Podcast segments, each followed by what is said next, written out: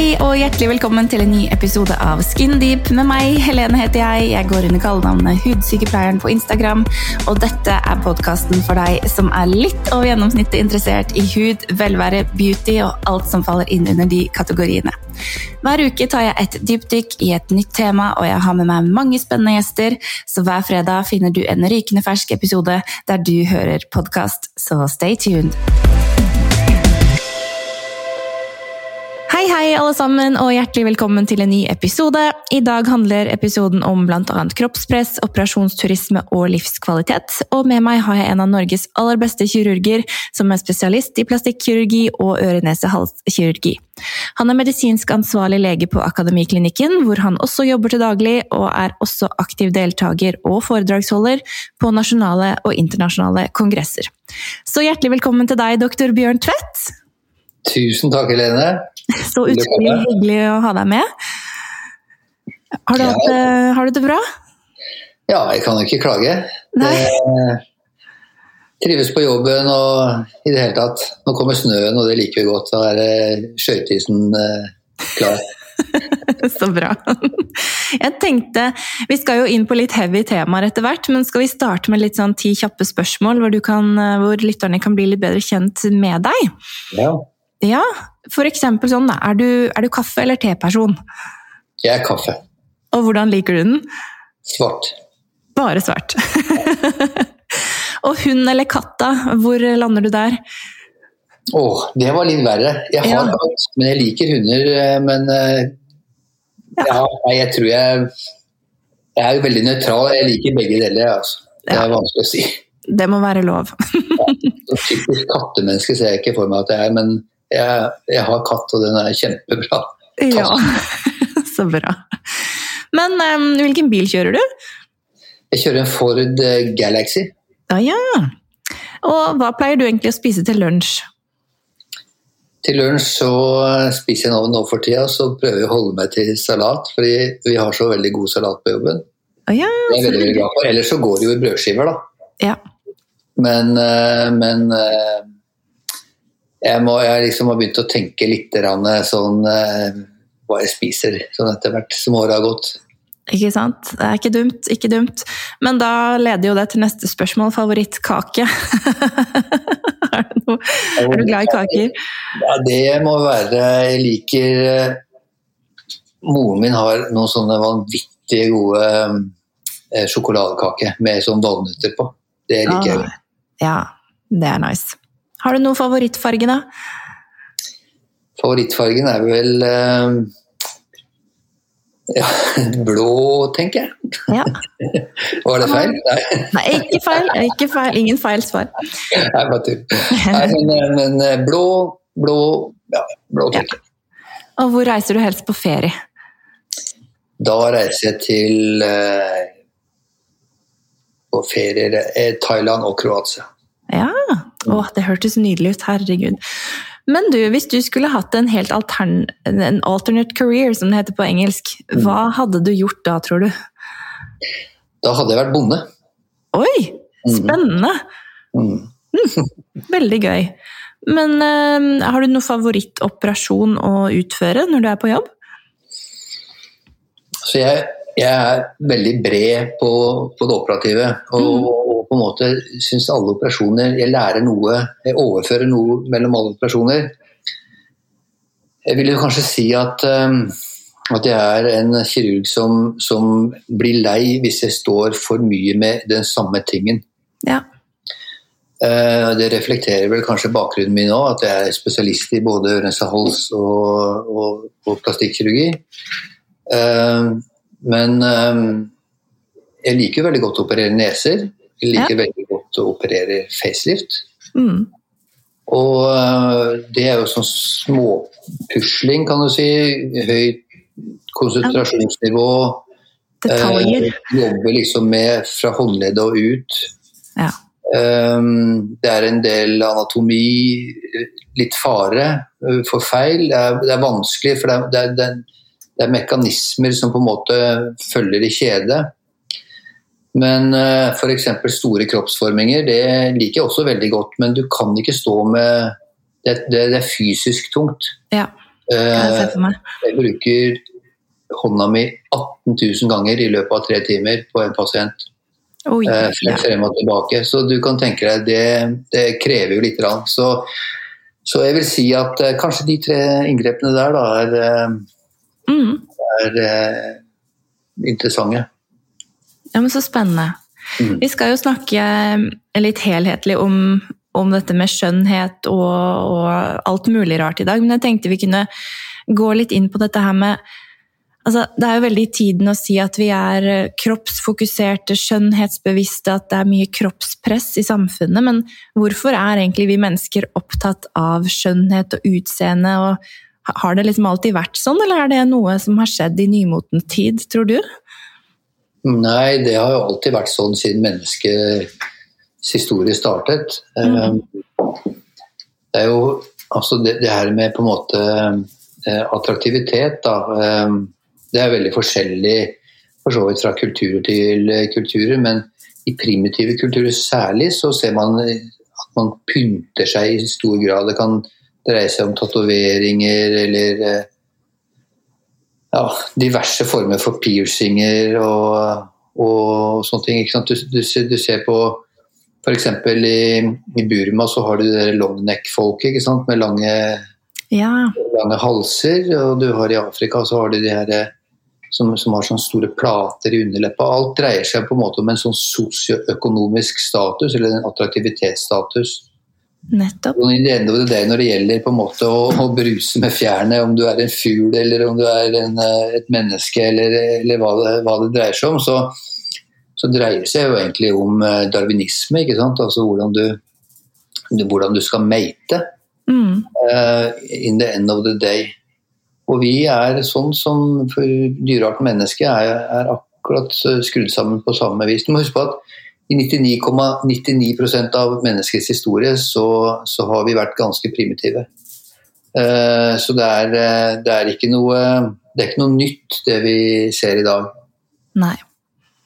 Men det har, eh, det har mye fokus, og jeg føler at vår bransje, hvis man kan si det, den kosmetisk, medisinske, kirurgiske bransjen får mye pepper for å være en årsak til at mange er usikre på sitt eget utseende.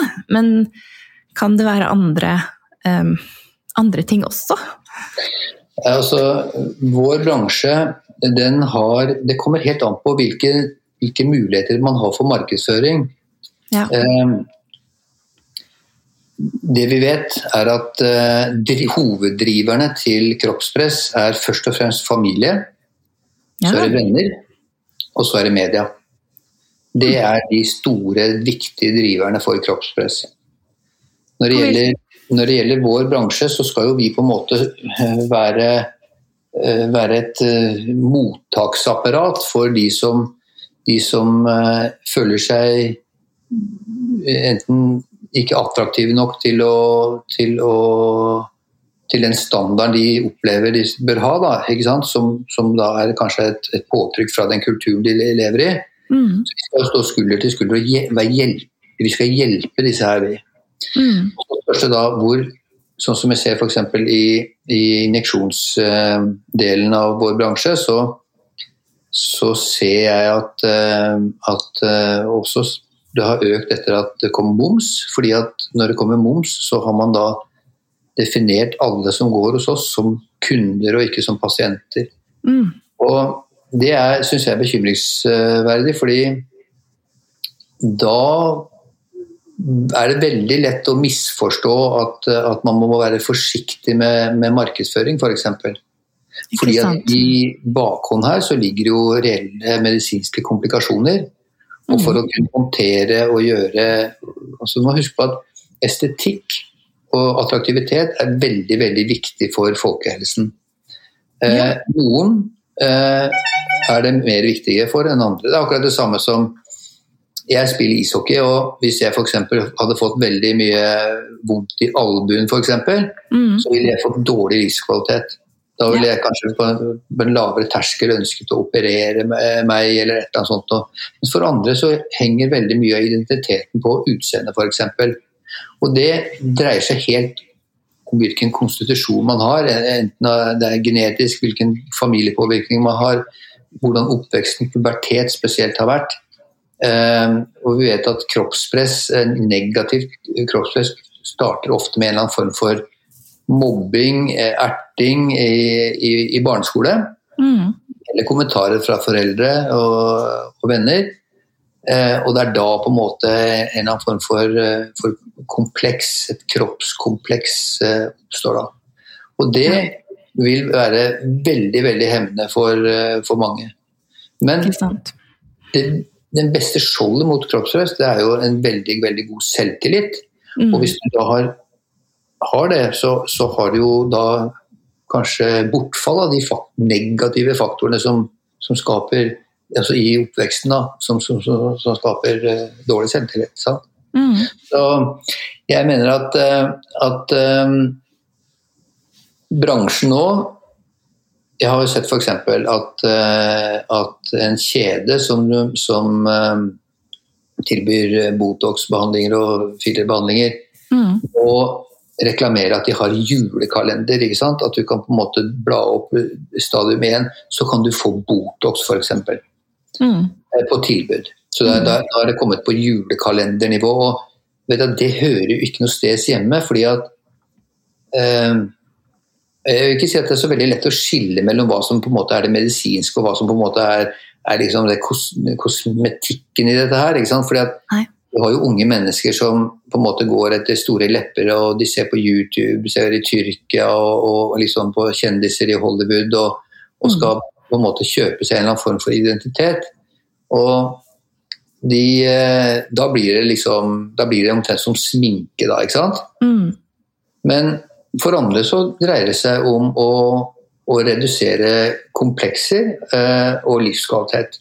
Mm. Eh, livskvalitetsøkning, da. Så, og da, da, er vi helsepersonell. Da, da må vi passe på at vi har en god indikasjon. For å finne en god indikasjon så må vi kunne mye om estetikk, mye om attraktivitet og hva det betyr.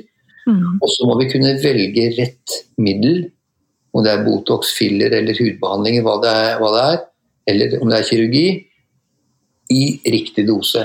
Og de du ser på gata, som alle er så redde for eh, å se ut som, det er jo de som nettopp har fått overdoser. ikke sant? Ja. Som ser, som, og, og sånn er det i medisin alle leger lærer på studiet at, eh, hvordan de skal da, stille en diagnose og dosere i riktig eh, rett medisin i riktig dose. Og da må man også vite konsekvenser. Hva er patologi, hva er helse i det mm. faget du driver med. ikke sant?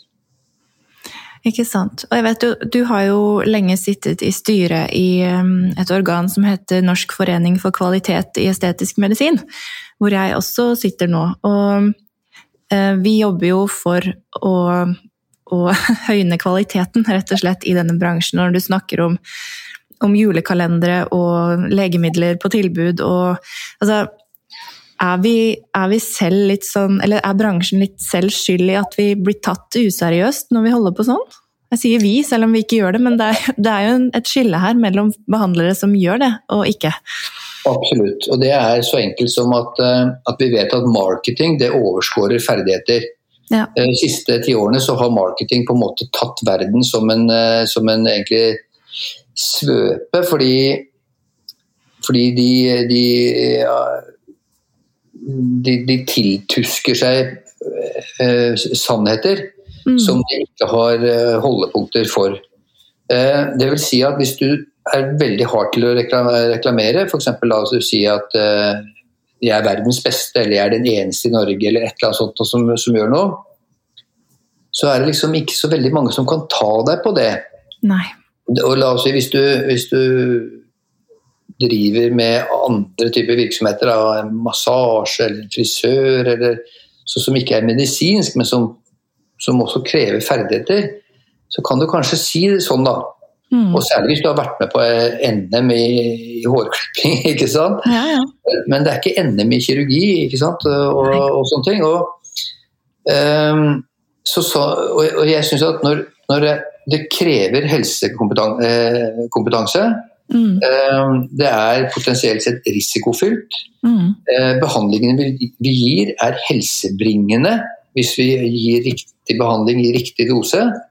Eh, Så mener jeg at vi må ha begrensninger på markedsføringen på lik linje med, med, med, med hvordan man skal markedsføre overfor pasienter. Ja. Det, er, det er i utgangspunktet pasienter, så kan du si som så, det kan være en, en gruppe som er i gråsonen når det gjelder å være pasienter. Eh, men, eh, men jeg mener at Helsetilsynet må absolutt på banen.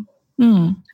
Eh, De har dessverre altfor få ressurser til å møte den store bølgen eh, som, som vår bransje representerer. Det er en ganske ny del i medisinen. Mm. I, I Nederland og i, i New Zealand så er det egne legespesialiteter for, eh, for kosmetisk medisin. Ja, nettopp. Det her kommer som ei kule. Det er fortsatt veldig uregulert i mange land, spesielt i England, eh, i Skottland og i Sverige og i Norge. Mm. Eh, Hvis man tar støp av f.eks. Danmark, der har de en, en sunnhetsstyrelse og et tilsyn på klinikker. Så må man ha visse standarder, f.eks. at du har et journalsystem. ikke sant? Yep. Eller at du har en ansvarlig lege som, eh, som eh, hvis pasienten rykker ut for å få en alvorlig komplikasjon, så, så er pasienten faktisk i trygge hender. Man er ikke i en garasjesituasjon. Ikke sant? Eh, eh, da har de visse standarder, ganske mange standarder, og også kompetansestandarder. Også på de som jobber der. De skal ha visse sertifiseringskrav. De skal kunne stå inne for å ha, eh, vise eh, at de har vært på kursing. Mm. Og så kommer de på uanmeldte besøk. Ja. Akkurat som Mattilsynet kommer på restauranter. Mm. Hvis de ikke driver etter forskriftene, dvs. Si hvis de ikke driver forsvarlig, for det er jo en forsvarlig minimumsstandard man, eh, man prøver å sette opp, så blir klinikken stengt. Ja. Det er konsekvensen. Og den ansvarlige lege, den står som ansvarlig også for markedsføringen. Så hvis markedsføringen tråkker over en terskel, altså hvis den begynner å ta form av å være manipulativ? Du har forskjellige former for man markedsføring. Den kan være informativ, den kan være villedende, eller den kan være manipulativ. Ja. Og hvis du, hvis du har manipulativ markedsføring, så er det spesielt skummelt for pasienter. For de er i en sårbar situasjon. Mm. Og Hvis du da f.eks. står som ansvarlig lege, så står du da faktisk med autorisasjonen din eh, og risikerer den. Ja. Dersom Helsetilsynet eh, eh, får ressurser til å, til å stå opp for de pasientene som, eh, som har behov for eh, våre tjenester. Ikke sant. Så Så, så jeg tror vi kommer dit, men jeg er veldig over, negativt overrasket, skuffet over at det tar så lang tid. fordi at dette her er, har vi visst i mange, mange år. Eh, Helsetilsynet har visst i mange, mange år. Eh, de har vært veldig lite villige til å snakke med de som faktisk driver i bransjen og, og, og vet hva det her dreier seg om. mm. Um, Så jeg vet egentlig ikke. Jeg tror de lar både bransjeaktører og ikke minst pasientene bare seile sin egen sjø i stikken. Fordi at verdigrunnlaget deres tilsier at dette her er ikke noe vi trenger å sysle med. Men, men der tar de skammelig feil. I andre land så er, det- så er det som sagt allerede etablert eh, legespesialiteter. Mm. Eh, Danmark går foran som et godt eksempel i Norden Mm. der de har kontroll, eh, der f.eks. de setter krav til, til hvilken bakgrunn du skal ha for å drive med dette her. Det er ikke sånn at du kan bare være lege og så skal du injisere. Nei, du skal være lege med videreutdanning for å kunne eh, injisere. Du skal være sykepleier med videreutdanning og en lege som du jobber tett sammen med i bakhånd, som kan ta ansvaret for, for komplikasjoner. For å være sykepleier og gjøre det. sant? Ja. Da, da, da begynner det å komme på et nivå som Mm. pasientene fortjener. Ja, absolutt. Og jeg synes jo i Norge som er veldig Vi er veldig strenge på veldig mye her i Norge, men, men det å være kirurg og holde på med kirurgi er jo en av de få um, bransjene i Norge som er helt legitime, men ulovlig å reklamere for. Um, hvordan kan det på en måte komplisere pasienters evne til å ta gode beslutninger i forhold til hvor og hvem de skal på en måte gå til?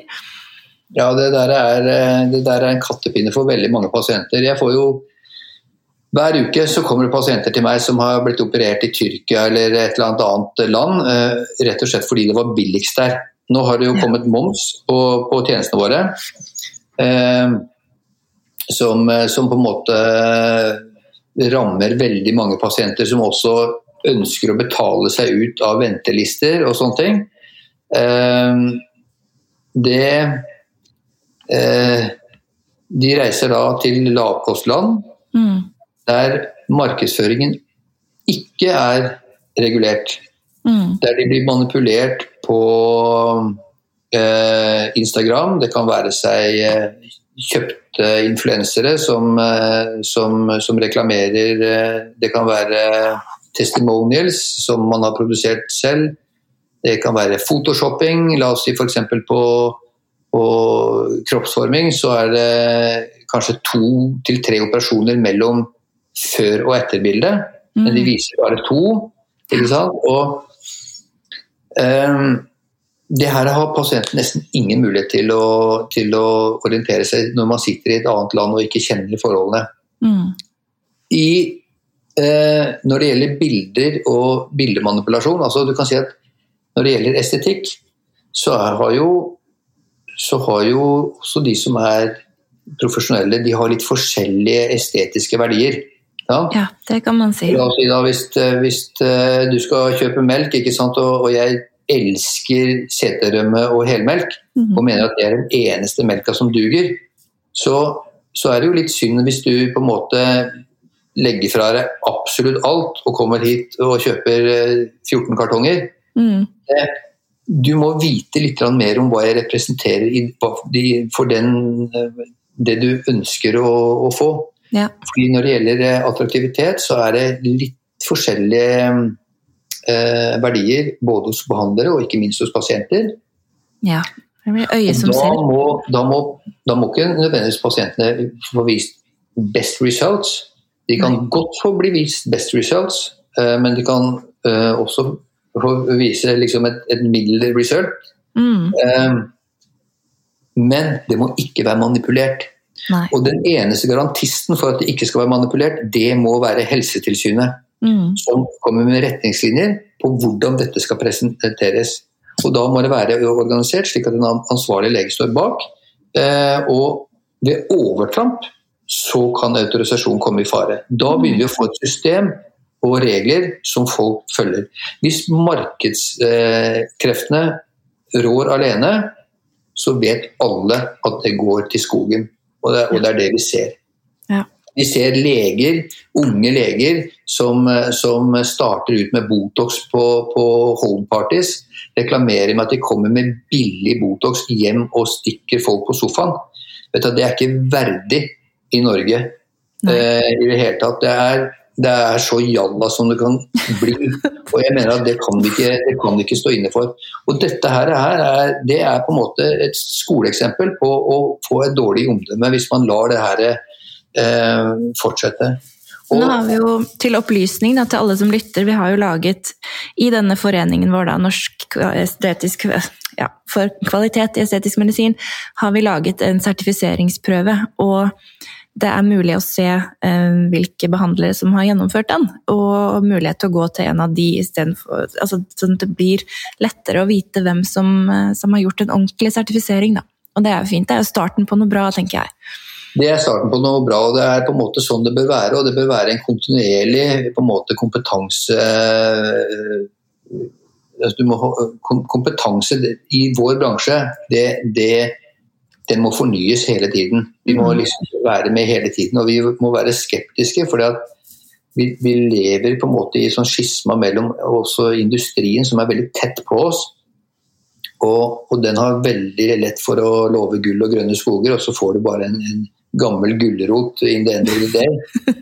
Så, ja. så du, du, er nødt til å på en måte ha ganske dybdekunnskap. Du må man må dele erfaring og man må liksom være litt skeptiske for pasientene. I dag så er det mange pasienter som, som kommer og spør etter en spesifikk maskin som de vil ha på huden sin. Ja. Mm. Altså, de liksom Har dere den og den type maskin? Uh, nei, det har vi ikke. Ja, men jeg, jeg, vil helst at det skal gjøres med den maskinen. Mm. Og da forteller jo det meg at da har industrien vært så flink med sin marketing at de har klart å overbevise pasientgruppen Mm. om hvilken type behandling de skal ha. Men, men, men de har jo overhodet ingen sjanse til å vite hva som er best. Nei. Men er vi i Skandinavia generelt Altså, vi har jo et høyt nivå av tiltro til autoriteter og til staten, og, eh, men er vi også litt naive um, når det kommer til disse tingene? Ja, jeg tror vi er veldig naive. Det er jo Ja, det, det stikker jo liksom i, gjennom hele kaka, det da, fra topp til bunn. Altså På toppen så er man jo naive, at man f.eks. tror en lege er en lege og en sykepleier er en sykepleier. så du kan jo her i Norge så kan man jo ansette en lege fra et land som, med, med kjempedårlige norskkunnskaper og sette han som kommunelege oppe i en bygd der de snakker dialekt, ikke sant? og de skjønner ikke bæret av hva, hva legen sier. Og de har en helt annen kultur i for, å forholde seg til pasienter.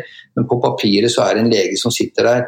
Altså, og, og til, til bunnen der, der pasientene tror, tror, at de har funnet eh, gull eh, hos den billigste behandleren som hadde da en eller annen form for laserverktøy å gjøre ting med. For laser høres jo veldig moderne ut. Mm. Eh, så da, da, går de på den limpinnen der. Så, og så, så viser det seg at den, de har gått hos, da, den var, liksom, den var kanskje lege eller var sykepleier. Og, og de, de, tror at dette er helt likt. Det, det dreier seg bare om hvilken pris Ja. du, du går etter. Sant? Så, så det er klart at vi er naive. Staten tar vare på eh, Norges befolkning i veldig veldig stor grad, så det, vi, er, eh, vi er vant med det. Mm. Uh, og, og det setter også større krav til reguleringer, faktisk. Mm, det det. Det, det må gå hånd i hånd, det da, ikke sant. Så, så hvis pasientene skal ha, ha en sikkerhet eh, her, så, så må Helsetilsynet få mer ressurser. Rett og slett. Men hender det at du må liksom ordne opp i etter de utenlandske kirurgene, når folk da kommer tilbake til Norge og kanskje får komplikasjoner? Kommer de da til deg, og hva, hva må du gjøre? Har du noen historier?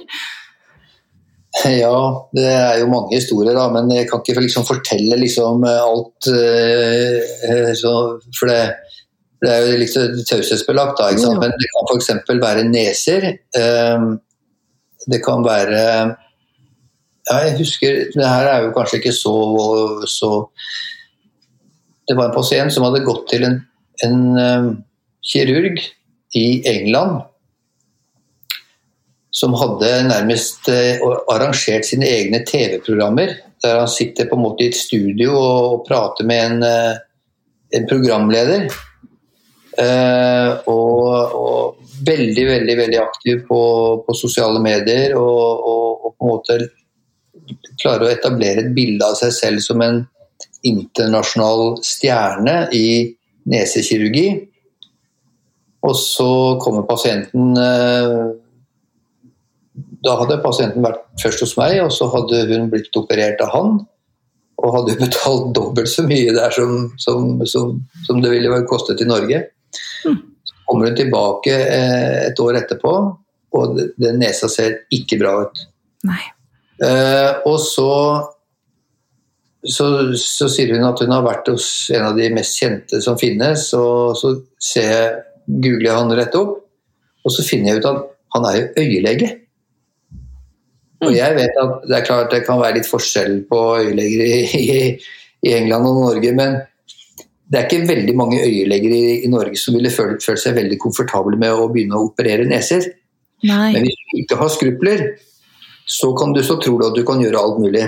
Ja. Og det er, sånn, det er sannsynligvis sånn han har begynt. Og Så har han operert en nese, og så har han operert en nese til, og så en nese til, og så begynner det å, å ta form etter hvert. da. Så kanskje min pasient kom litt tidlig inn i, i eh, opplæringssituasjonen hans. ikke sant? Mm. Det er, Mm. det er ikke bra. Det er også etter hvert blitt flere som kommer fra, fra Tyrkia med ganske Det er nesten umulig å reparere på hvis du, hvis du har vært ute for veldig aggressiv eh, kroppsforming, da, som på en måte har gått galt. Det, da blir det veldig mye Det blir mye arr under huden. For, for noen prøver å, å, selge konseptet at fett smelter. Ja. Fett det smelter ikke. Nei. Altså, da har man maskiner med, som tilfører varme, sånn at sånn fettet skal smelte. Men hvis du tenker deg fett, det vi har under huden, det er det du finner på en kotelett. ikke sant? Mm. Så skjærer den solen der, og så putter den i panna, så begynner den å krølle seg, og så blir den hvit. Ja. Og da er, da er det, den solen blitt et arr. Det er det som skjer under huden hvis du koker. Hvis du koker. Men smør kan man øh, smelte, men det fins ikke under huden. Nei. Og stramme opp huden er også et annet øh, begrep som høres veldig fint ut. å stramme opp huden sånn. Men huden strammes bare opp via en eller annen form for arrprosess. Så Hvis du kan lage et helt fint, jevnt, tynt teppe med arr rett under huden, så kan du stramme opp huden. Men da skal det være finslig.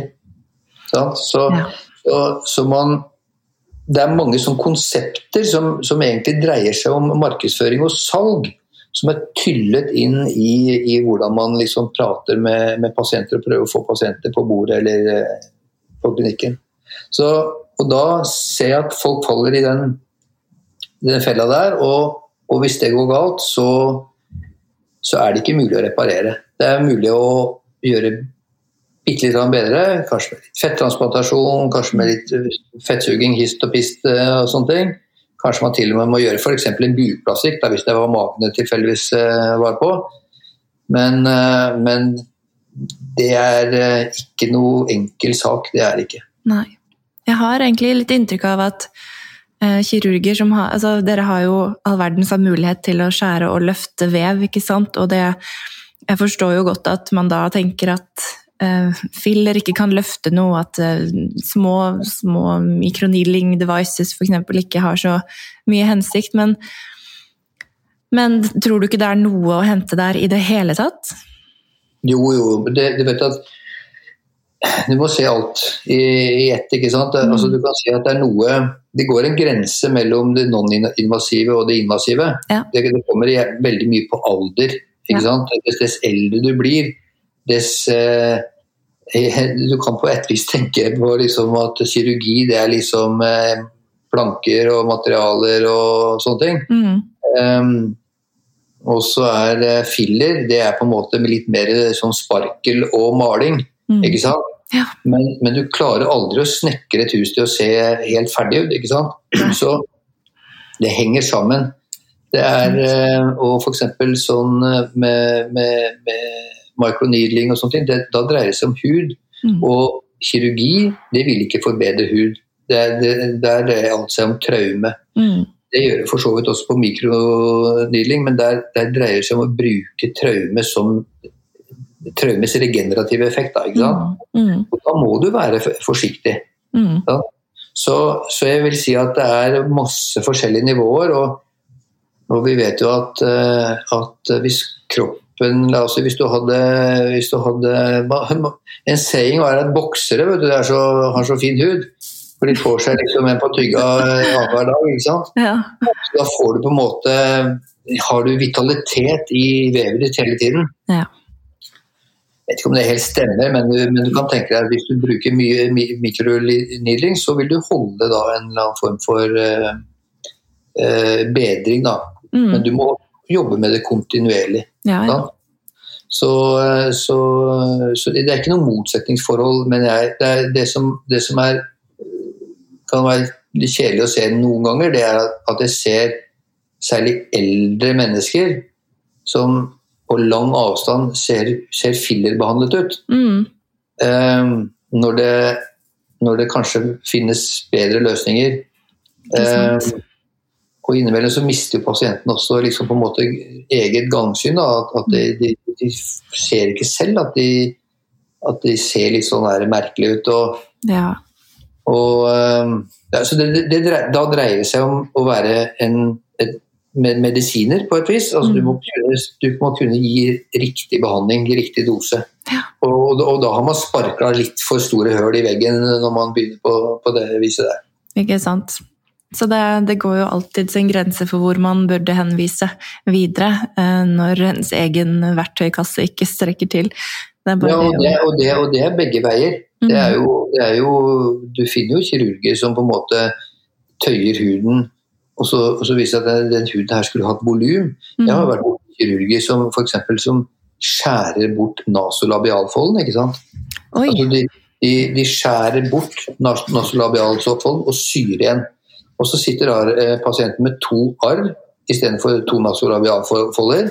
Og så har de da, er de på en måte litt glattere, litt mindre nivåforskjell mellom, eh, mellom eh, kinnet og og overleppa. Da, ikke sant? Ja, ja, ja. Men, men, men det ser jo ikke ut i måneskinn. Og du har også kirurger som opererer eh, f.eks. Eh, glabelleområdet, altså mellom bryna, Mm. eh, på pasienter som, som ville vært mye bedre ut med, med Botox. Ikke sant? ja. Eh, fordi at eh, det er ofte ikke La oss si øyebryn, hvis, hvis du tar det som et eksempel, så er det ikke egentlig høyden på brynet det dreier seg om, det er brynsformen. Mm. Gjerne tilten på brynet og, og proporsjonene mellom, mellom globallinje, mellom eh, sidelinje, ikke sant, og, og, og, og helheten der. Mm. Og det er, da er jo Botox et mye bedre og mye mer nøyaktig verktøy. Mm. Og sånn er jo filler òg. Hvis du tenker filler i forhold til fettransplantasjon, Mm. klarer du ikke å fettransplantere eh, de f.eks. la oss si munnviker. da. Nei, ikke sant. At munnviker de klarer ikke å fettransplantere, for fett det er mye mykere. Så fett vil jeg si der fettransplantasjon det bruker du for å få volum. Det Mm. fungerer veldig godt under øynene og på kinnbein og sånne ting. Men på lepper fungerer jo nesten ikke i det hele tatt. Nei. Og haka fungerer jo veldig bra. Men Ja. det er på en måte volum. Det er ikke liksom den Fordi at du har en, en 30 resepsjon, Mm. så, så har du ikke noe Du har ikke den nøyaktigheten. Ikke sant. Filler deg mye mer Det er, det er finpenselen, det, ikke sant? Mm. Og Botox er finpensler. Mm. Så, så det, er, det kommer litt an på hvor, hvor du er i prosessen, Ja. rett og slett. Med, med, det er mange pasienter, f.eks. eldre pasienter som opererer med facelift. Og sånn vi gjør det liksom moderne, det er at vi bruker Vi vet at aldringsprosessen foregår veldig mye av, eh, av at skjelettet blir mindre, rett og slett. Eh, og fett, fettet blir mindre. Mm. Vi vet at noe av muskulaturen, den mimiske mu- mu- muskulaturen, blir kortere. Eh, Og det skjer på helt karakteristiske steder som gjør at alle sammen mer eller mindre eldes på samme måte. Så vi vet, hvis du ser meg gjennom et frosta glass, Mm. så kan du, og du ser ingen linjer, så kan du på et øyeblikk omtrent bestemme alderen min pluss-minus fem år. Ja, ikke Ikke sant. Mm. Og det, det, så det dreier seg ikke om de fine linjene, det dreier seg om de grove skyggene. Ja. Det, greier, det dreier seg om ansiktsformen. Mm. Det dreier seg om størrelsen på øynene, nesa, altså hvordan alt sammen henger sammen. Mm. Og, og, um, og, og da, kom- da kommer det jo også det til, til kommunikasjon. Sant? Hva, er det, hva er det ansiktet sier? For det vi jobber med som, som ansiktskirurger og injeksjonsspesialister med, med ansikt, det er rett og slett kommunikasjon. Mm. Det er jo faktisk. Ansiktet, ansiktet har sju, sju eh, på en måte mikroekspresjoner av følelser. Og noen av de er negative, Mm. og noen av de er eh, jeg håper å si, Alle er bra å ha i utgangspunktet, men hvis du ikke kan kontrollere de, altså hvis du f.eks. ikke kan minimere en, en som blir hengende igjen, f.eks. at du ser trist ut, da, Mm. så går du hele tiden rundt og sender et signal til, eh, til vennene dine at du ser trist ut. Mm. Og så er du ikke trist. Det, det er en veldig veldig stor belastning for et menneske å ha. Mm. Og det er nettopp sånn man kan gjøre med filler og Botox. Da kan man skru litt på, på, på hva Ja. ansiktet utstråler av følelser. Litt tweakments. Mm. For det er jo Jeg syns jeg hørte en gang at det tar liksom tre sekunder eh, fra man møter noen til man har bedømt ganske mye, eh, bare på grunnlag av ansikt og hud og hvordan man ser ut. Så det er jo klart at man, man, man lever jo på en måte litt av Eller hvordan man blir møtt av andre mennesker, så det er jo ikke vanskelig å tenke seg at det handler jo også om livskvalitet, da, hvordan man blir møtt hver eneste dag. Um, det blir jo det. Ja, altså, vi- det er noe som kalles for halo-effekten. At Man vet at eh, man har forsket eh, mye på attraktivitet, og man finner jo ut at de, de menneskene som er attraktive, de blir tillagt ufortjente, gode egenskaper. Oi. F.eks. at de er eh, snille, eh, at de er ærlige, eh, at de er flinke, Hmm. at de er lo- lojale. Det er, det er verdier som blir tillagt attraktive mennesker. Og, og det her er noe vi lærer fra barnsben av. Vi vet? Vi har sett Walt Disney. ikke sant? Mm. Vi ser på Snøhette, f.eks. Eh, eller nei, snø, Snøhvit. Snøhvit, ja. Eh, hun er, det er ingen tvil om at når du ser Snøhvit og heksa, så er heksa slem, og Mm. Snøhvit er snill. Sant? Så dette her er noe som, som vi er innprentet med. Dette her ligger i oss, og på en måte ligger i, i fight and eh, flight-responsen vår. ikke sant? Mm. Så, så Jeg husker for, for noen år siden så vant hun derre Boyle, eller en sånn hun heter hun, som vant Idol oh, ja. i England. Og da, han, han Simon han, han hadde hatt en lang dag, og noen ganger så kunne han være litt sånn teatralsk og så uffe seg veldig når det kom noen som han ikke likte på scenen. Mm. Stemmer Og når hun kom fram på scenen, så så hun ut som en sånn, sånn, liksom en sånn gammel tante. Mm. Hun, hun har jo, så vidt jeg vet, asperger og er, er kanskje litt sånn spesiell. Um, og du kan tenke deg at han uttrykte liksom åpenlyst nærmest en form for avsky overfor henne. Mm. Og hun var der kun for å synge. Mm. Så det vil si at før hun egentlig fikk, fikk presentert det hun kom til torgs med, Mm. så ble hun mer eller mindre avvist. Ja. Og helt til hun da begynte å åpne munnen og begynte å synge, da, da, da fikk jo han hakeslepp, ikke sant? Men tenk på de menneskene da, som da er det motsatte av attraktive. Mm. Hvilken byrde de må gå gjennom livet med. Ikke sant? Og vi vet at, vi vet at attraktivitet eh, Attraktive tenåringer spesielt, de får høyere lønn når de er voksne. De får flere barn, Mm. og de har bedre helse som 50-åringer. Eh, det her er sterke, sterke, sterk, sterk kapital. Attraktivitet er en kjempekapital for oss mennesker. Så, så det at du liksom eh, Jeg tror at mye henger sammen med vår protestantiske bakgrunn, altså vårt verdigrunnlag. At du, du, du må være glad for at du er født den du er. Og det skal vi selvfølgelig være. Altså, jeg er jo si, protestant sjøl og har vokst opp med det, så jeg, jeg, jeg deler det verdisynet. Mm. Men samtidig så, det, så har vi en annen litt dårlig egenskap, da, som også tilhører kirken. Da. Det er at vi, vi ugleser de som ikke har de rette verdiene som vi deler. Ja. Så det vil si at Hvis du f.eks. lar deg operere, da, så skal vi da skal vi kanskje le av deg, eller vi skal kritisere deg og vi skal fortelle deg hva som er riktig. Selv om det er ikke vi som har stein i skoen. ikke sant? Så, så da, da, har vi litt lav toleranse. Mm. Og Det fører jo til at folk på en måte dukke under, finne på alle mulige historier når de lar seg operere. For det er på en måte ikke legitimt å gjøre det i, i etter våre korrekte verdier. For her i Norge så er, skal alle være veldig korrekte. Det skal være, eh, man skal passe på hva de andre gjør og, og sånne ting. Eh, så ja. Det er på en måte snobber, da, verdisnobber. Sånn at så Hvis du ikke deler vårt verdisyn, så vil vi redusere deg. Da blir du en liten størrelse fordi at du lar deg operere, og da er du svak. Og Det, det tilhører også kristendommen. ikke sant? mm.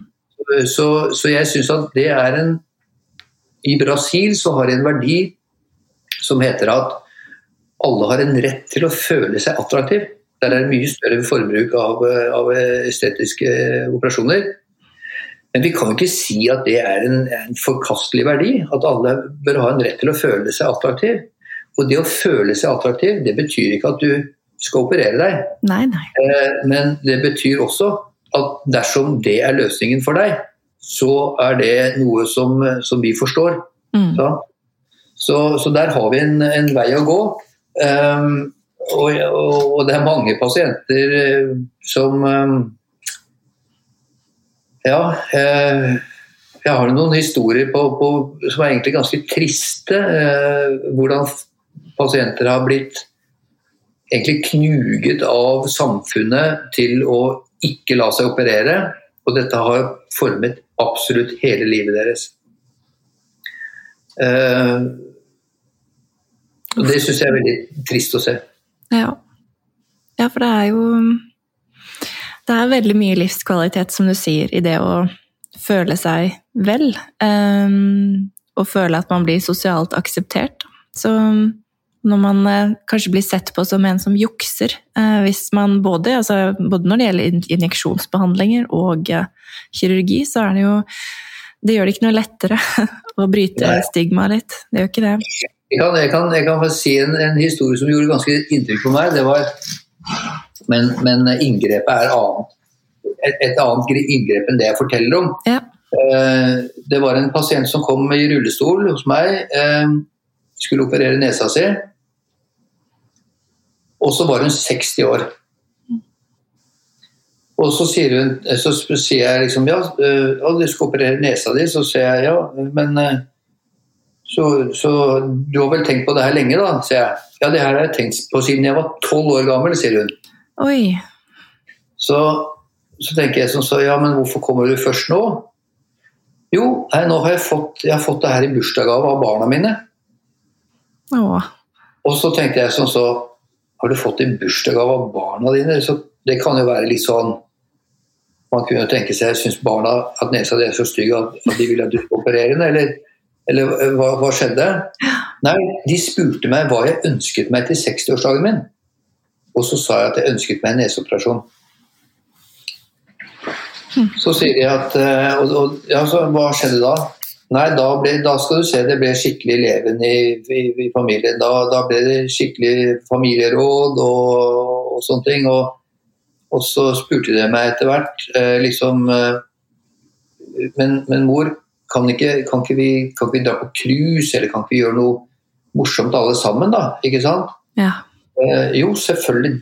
Det, det, var hun helt klar på. Men dere spurte jo egentlig bare hva jeg ønsket meg, så jeg bare sa hva jeg ønsket meg. Ja. Så sier de ja, men, ja, men mor, hvorfor, hvorfor ønsket du deg en neseoperasjon? Altså, hva er galt med nesa di? Så sier hun at fra jeg, ble, fra jeg eh, var tolv år gammel, da ble jeg kalt for heksa, sa hun. Oh. Og så, når jeg var 17 år, så traff jeg faren deres. Og da vi ble rundt 20, så gifta vi oss. Og så fikk jeg dere. Og så tenkte jeg ikke så veldig mye på det, men jeg, jeg tenkte jo på det sånn ganske ofte allikevel. Men jeg tenkte at det, det var noe sånn det var. Mm. Uh, og nå kaller barna dere, deres meg for heksa. Ja. Da, Da skjønner man altså Da skjønner man liksom hva det her betyr. Ja, virkelig. Hun kanskje sier mellom linjene Vet du hva, det, hva hun egentlig kanskje sa mellom linjene til barna sine? Mm. At hvis jeg, jeg hadde fått operert den nesa da jeg var 15 år og utvokst, nesemessig, mm. så hadde kanskje dere aldri blitt født. For da hadde kanskje jeg ikke møtt faren deres. Mm. Kanskje det hadde blitt et helt annet liv. Mm. Ser du det? Ja. For vi vet at, vi vet at liksom, det er så masse som går på Husk at selvfølelsen utvikler seg i, i, i ungdomstiden, da, i tenåringene. Når du når du på en måte lærer deg selv å kjenne. Mm. Så det er å skaffe din egen identitet. La oss si de som er grunnen til at eh, folk som var høye når de var 15-16 år, altså gutter, gjør det bedre enn de andre. Mm. Det er ikke høyden når de er voksne som betyr noe, det er høyden når de var 15-16. Ja, ikke sant. Da kanskje de var litt flinkere i sport, de ble, ble, hadde en litt haloeffekt, folk så litt opp til de, de anerkjente de på en måte. Mm. Og hvis omgivelsene anerkjenner deg, så er det jo ingen grunn til at du ikke skal begynne å anerkjenne deg selv. Mm. Da begynner du å like deg selv, og det er starten på en god selvfølelsebygging. ikke sant? Mm. Så, så um, um, det, var, det, er en historie som er egentlig ganske beskrivende for, for, uh, for hvilken uh, uforstand mange opplever av omgivelsene rundt seg. Mm. Uh, og også hvordan det egentlig kan uh, være Hvilken belastning det kan være for de som, som har det på den måten. Da. Absolutt. Ja, virkelig. Det, nå har vi fått vært gjennom eh, mange bra temaer, eh, Bjørn. Tusen hjertelig takk for um, all din tid og ditt innspill. Det har vært veldig verdifullt. Ja, takk for det. Det var veldig hyggelig å, å få være med. Ja, det var veldig veldig hyggelig å ha deg med. Har du det, er et, det er et veldig interessant tema vi driver med, Ja. så det er, jeg syns det er gøy. Virkelig. Absolutt. Det, sånn som mitt fag vet du, det dreier seg om både medisin, kirurgi, psykologi, sosialantropologi, teknologi. Ikke sant? Ja.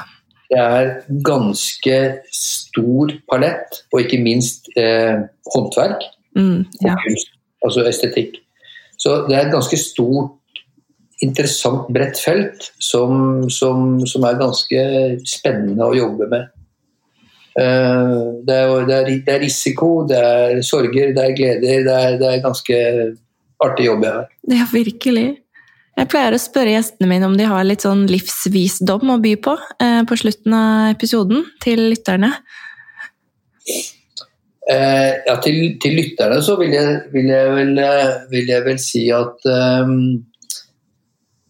eh, det viktigste som forebygger kroppspress, det er selv, god selvtillit og selvfølelse. Eh, og den kan du bygge på mange arenaer. Det vil si at mange kan gå i fellen at de ser seg for ofte i speilet. Eh, ser man seg veldig mye i speilet, husk at når man ser seg i speilet, så tar man helt automatisk på seg kritikerrollen. Begynner man å sammenligne høyre og venstre, så kritiserer man seg selv. Det må man være litt bevisst. Så mitt råd er at alle bør gi seg et godt kompliment når de ser seg i speilet. Ta lite selfies. Mm.